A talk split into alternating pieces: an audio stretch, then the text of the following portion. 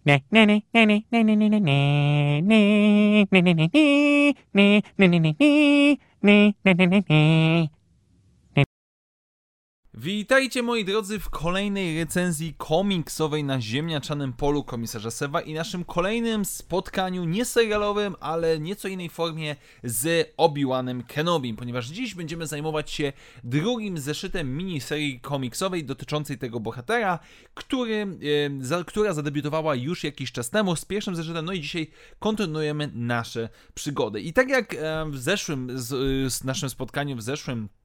komiksie mieliśmy e, konwencję dwu, że tak powiem, torową, fabularną. Z jednej strony Obi-Wan Kenobi siedzący na Tatooine e, i piszący swoje wspomnienia, dzielący się swoimi e, przemyśleniami i jego wydarzenia z przeszłości. I tak jak w zeszłym zeszycie mieliśmy do czynienia z bardzo młodym, jeszcze younglingiem Obi-Wanem Kenobim, tak tutaj teraz mamy spotkanie z nim w wersji Padawana, oczywiście pod opieką mistrza Qui-Gon Jima. I sama historia, e, dodatkowo jednak mamy troszeczkę ciekawostkę dla fanów Rebelsów, ponieważ mamy pewnego rodzaju pokazane komiksowe ukazanie pojedynku Obi-Wana Kenobiego i Maula na Tatooine, które znamy z e, czwartego sezonu Rebelsów, e, który jest otoczony pewnego rodzaju komentarzem Kenobiego i jakby ta sekcja, powiedzmy, czy ta część poświęcona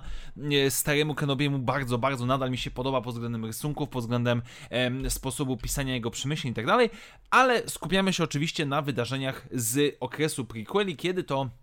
Obi-Wan i Qui-Gon zostają wysłani na e, pewnego rodzaju placówkę górniczą, która zgłasza problemy, e, żeby zbadać sytuację. E, trafiają oni do, na sytuację o tyle wyjątkową, że cała przestrzeń jest, cała praktycznie kolonia jest e, całkowicie pogrążona w zmroku, czy też w ciemnościach, e,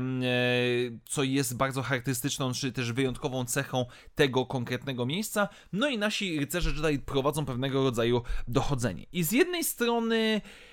dostajemy zeszyt, który moim zdaniem nie pociąga, czy nie jest aż tak dobry jak pierwsza historia dziejąca się na Coruscant w młodości, młodości, młodości Kenobiego,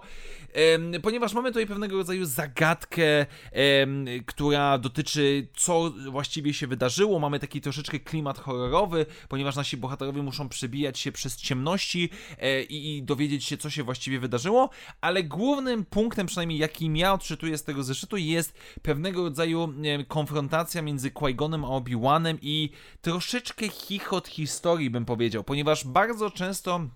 Relacja tych dwóch bohaterów w tym zeszycie przypomina mi nieco relację Obi-Wana Kenobiego i Anakina Skywalkera, kiedy oni są mistrzami i uczniem, kiedy są powiedzmy w tej relacji, ponieważ z jednej strony Obi-Wan jest bardzo e, by the book rycerzem Jedi, czy też padawanem, który wszędzie stara się znaleźć logikę, który stara się znaleźć rozwiązanie,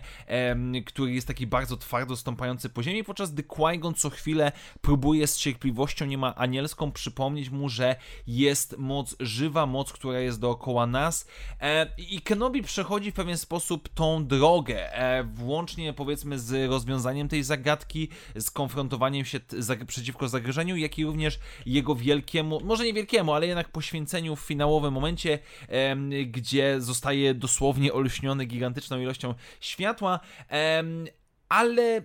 jakby mam troszeczkę problem z tym zeszytem, ponieważ z jednej strony e, mówię, jest tutaj sporo całkiem niezłych rzeczy. Rysunkowo e, kreska zdecydowanie bardzo mocno podkreśla e, tą, tą ciemność lokacji, ale jednocześnie wiemy doskonale, co się dookoła dzieje przy zachowaniu tajemnicy. Dodatkowo również relacja Obi-Wana i Qui-Gona z jednej strony jest utrzymana w tym ich specyficznym stosunku z Mrocznego Widma, z drugiej strony no widać w pewien sposób skąd Obi-Wan Kenobi Nobin brał lekcję i skąd osiągnął y, taką osobę, jaką był powiedzmy w epizodzie drugim czy w epizodzie trzecim. Jednakże finalnie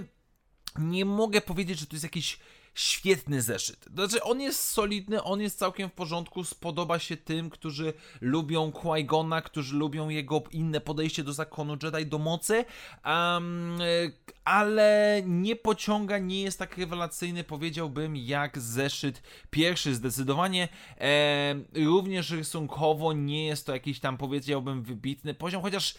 rysunki robią swoją robotę, ale nie mogę powiedzieć, że e, są najlepsze, szczególnie w tej retrospekcji. O wiele bardziej podchodzi mi to, co dostajemy w ramach obecnej historii e, ze starym Obi-Wanem Kenobim. Jednak jest to całkiem solidny zeszyt, który na pewno przypadnie do gustu wszystkim fanom Kenobiego, a biorąc pod uwagę, że w, w trzecim zeszycie przechodzimy do okresu wojen klonów, no to sądzę, sądzę, że naprawdę tutaj fani będą z tego zadowoleni. Tak więc dziękuję Wam bardzo serdecznie, moi drodzy, za dzisiejsze spotkanie. Standardowo przypominam, że jeżeli podoba Wam się to, co robię na kanale, możecie wesprzeć mnie stawiając mi wirtualną kawę. A na dzisiaj to wszystko. Do usłyszenia w następnych materiałach i jak zawsze, niech moc będzie z Wami. Na razie, cześć!